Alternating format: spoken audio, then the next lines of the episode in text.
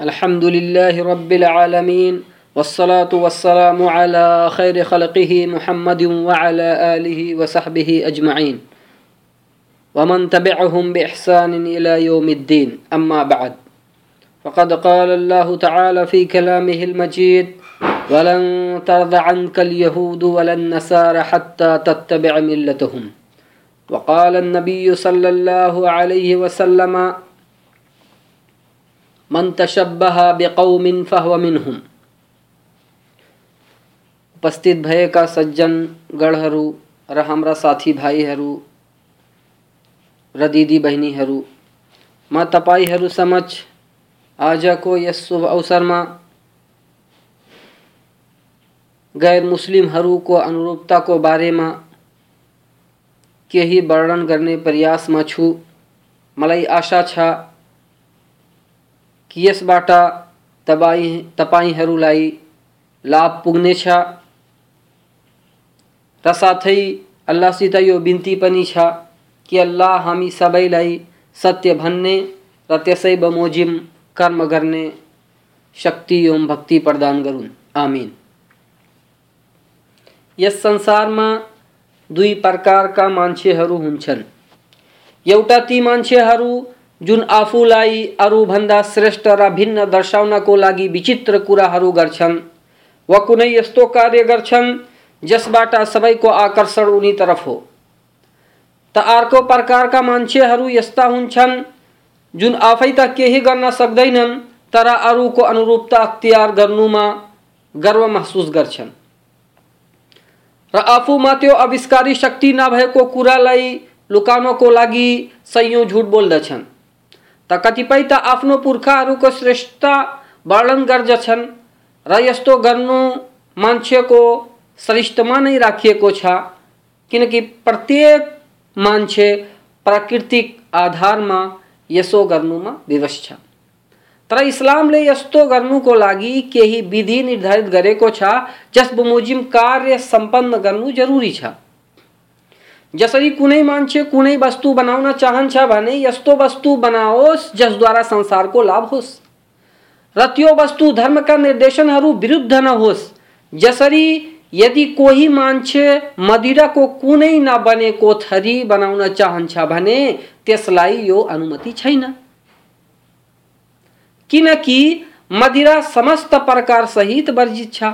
अल्लाह ताला को फरमान छा या अय्युहल्लज़ीना आमनु इन्नमल खमरु वल मैसरु वल अंसाबु वल अज़लामु रिज्सुम मिन अमलि शैतानि फज्तनिबूहु लअल्लकुम तुफ्लिहून अर्थात हे आस्थावानहरू मदिरा जुवा बलिस्थान र सगुड पासा यी सबै अपवित्र र शैतानी कुराहरू मध्येका हुन्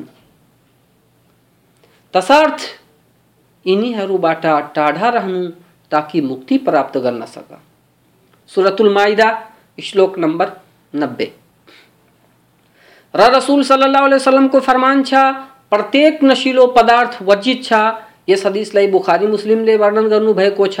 र अर्को हदिसमा छ, जसको ठुलो मात्रा उन्मादी बनाओस्, त्यसको सानो मात्रा पनि वर्जित छ। यसलाई अहमद इब्ने माजा, नेसाई, अबु दाउद तिर्मिजीले वर्णन गर्नुभएको छ। यसले गर्दा कुनै यस्तो वस्तुको निर्माण मनाही छ, जसबाट इस्लाममा रोक लगाइएको होस्। तर यदि कोही यस्तो गाडी बनाउन चाहन्छ, जुन आजसम्म बनेको अर्थात् जस थरीको गाडी आजसम्म बनेको छैन, भने इस्लाम यसको अनुमति मात्र दिँदैन, बरु प्रोत्साहन पनि गर्दछ। जस्तो कि अल्लाह को फरमान छ, वतआवनु अलल बिर्रि वत्तक़वा, वला तआवनु अलल इस्मि वल उद्वान, वत्तकुल्लाह इन्नल्लाह शदीदुल इक़ाब। अर्थात, हे मोमिनहरू संयमपूर्ण भलाइका कामहरूमा एक अर्काको मद्दत गर्ने गर र अपराध र सहयोग नगर, र डर मान्ने गर निसन्देह अल्लाह कठोर दण्ड दिनेवाला छ। सुरतुल माइदा श्लोक नंबर दो। गाडी बनाउनु राम्रो कार्य हो यसद्वारा मान्छे आफ्नो र अरूको भलो गर्छ र सहायता गर्छ। यस्तै इस्लाममा यदि तपाईँ कसैको अनुरूपता अख्तियार गर्न चाहनुहुन्छ वा कसैले बनाएको कुनै वस्तुको उपभोग गर्न चाहनुहुन्छ भने, सबै ग्राह्य छन् मात्र ती वस्तुहरू बाहेक जुन कुनै विशेष धर्मलाई बोध गरून् वा कुनै विशेष घृणित वा अपमानित एवं तिरस्कृत समूहलाई बोध गरून्। किनकि इस्लामको उद्देश्यहरूमध्ये एउटा यो उद्देश्य पनि हो कि मुसलमान मान्छे, अरू मान्छेहरूबाट भिन्न देखोस्। जसलाई हेरेर कोही भन्न सकोस् कि यो मुसलमान हो। र हाम्रो श्रेष्ठताको लागि हाम्रो मसाल मुसलमान हुनु नै पर्याप्त छ। यदि हामी वास्तवमा मुसलमान र इमानवाला हौँ, किनकि हाम्रो पोसाक हाम्रो रीतिरिवाज हाम्रो आस्था, हाम्रो आचरण सबै अरूबाट भिन्न छ। हामीलाई चाहियो कि आफ्नो प्रतिष्ठा आफै गरौँ र आफ्नो सद्व्यवहारबाट सबैलाई प्रभावित गरौँ। कदाचित यो नहोस् कि हामी आफै कसैबाट प्रभावित भई त्यसको पद्धतिमा हिँड्न लागौँ। त हाम्रो आचरण सबैभन्दा स्वच्छ र पवित्र हुनु पर्यो, किनकि हाम्रो नबीले समस्त संसारलाई सचरित्रताको उपदेश गरेका छन् र उहाँ स्वयं महान चरित्रवान थिए। यस्तै हाम्रो व्यवहार, हाम्रो रसुलको व्यवहार अनुकूल हुनु पर्यो। किनकि उहाँको सद्व्यवहारले प्रभावी भई मक्काका सबै काफिरहरूले इस्लाम कबुल गरेका थिए। अर्थात् हाम्रो पहिचान, हाम्रो धर्म इस्लाम हो। हामीलाई कदापि यो आवश्यकता छैन कि हामी कसै अर्काको अनुरूपता ग्रहण गरौँ। तर वर्तमान कालमा केही नामका मुसलमानहरू, अरू धर्मावलम्बीहरूको जाने अनजानेमा अनुरूपता अख्तियार गर्छन्।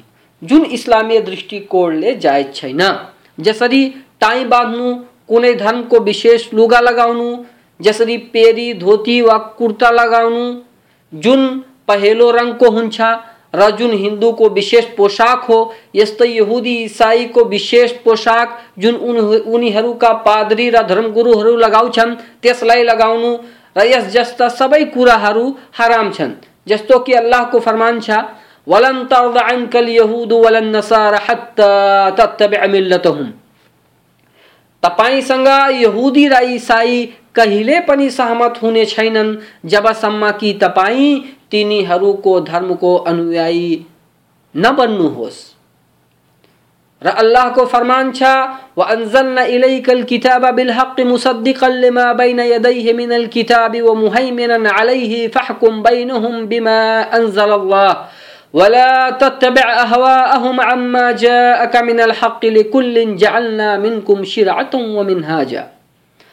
अर्थात्, हे पैगंबर हामीले तपाईँलाई सत्यका साथ यो किताब कुरान प्रदान गरेका छौँ।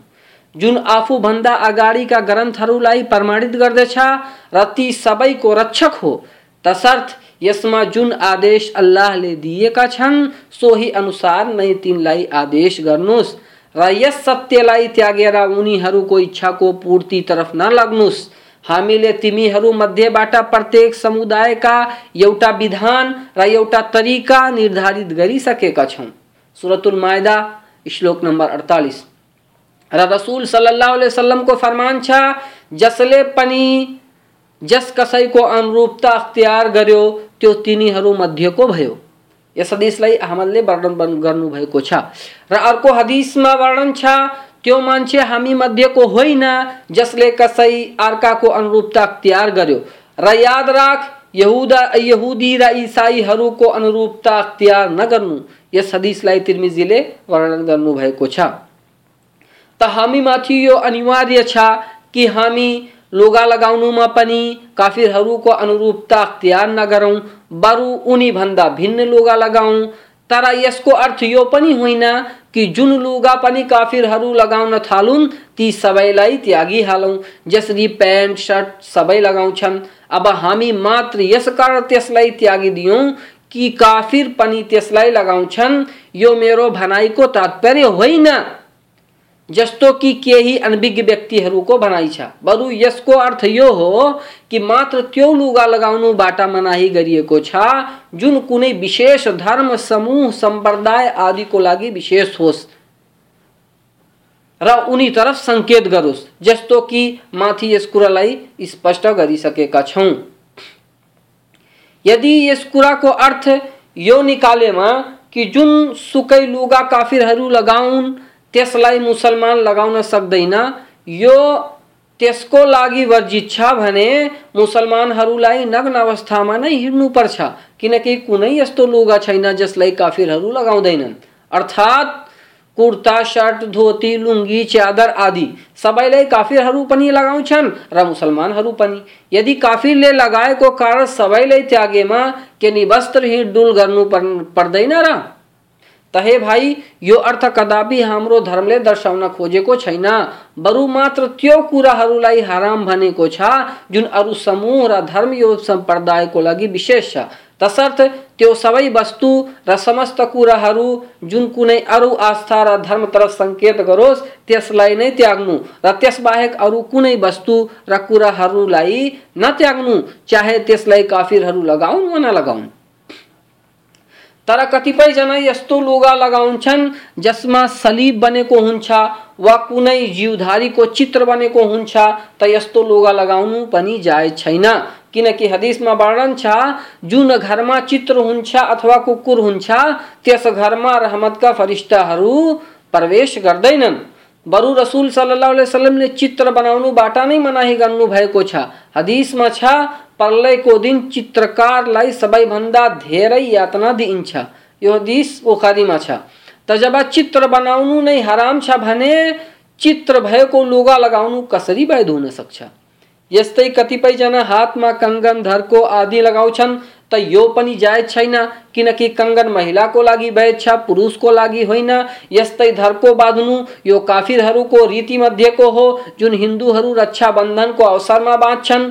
तर यदि कसैले धर्को यस कारणले बाँधेको छ, कि त्यसबाट त्यसलाई कुनै प्रकारको फाइदा वा लाभ हुनेछ वा कुनै बिमारी निको हुनेछ भने, यो अरू ठुलो अपराध हो। बरु यो खुल्ला बहुदेववाद हो। यसले गर्दा यो हराम छ। यस्तै कतिपयजना आफ्नो घाँटीमा महिलाहरू झैँ माला आदि लगाउँछन्, जुन पुरुषहरूको लागि जायज़ छैन। यो महिलाहरूको अनुरूपता अख्तियार गर्नु हो वा काफिरहरूको अनुरूपता अख्तियार गर्नु हो, जसलाई हराम हुनुमा कुनै सन्देह छैन, जस्तो कि अघि नै वर्णन गरिसके। यस्तै कतिपयजना तस्बिह लिएर अल्लाहको गुणगान गर्छन् र त्यसलाई हातमा लिई यताउता हिड्डुल गर्छन्, त यो पनि जायज़ छैन किनकि यो हिन्दूहरूको अनुरूपता हो, जुन उनीहरूको साधु भिक्षुकहरू लिएर हिँड्छन् र त्यसैमा सदुति गर्छन्। यसले गर्दा अल्लाहको गुणगान रसुल सल्लाह वसल्लम र सहाबाहरूले गरेका तरिकामा नै गर्नु उचित हो र त्यो तरिका हो हातको औलामा किनकि रसुल सल्लाह वसल्लम र उहाँका साथीहरू आफ्ना हातका औलाहरूमा तस्बिह गनेका हुन्।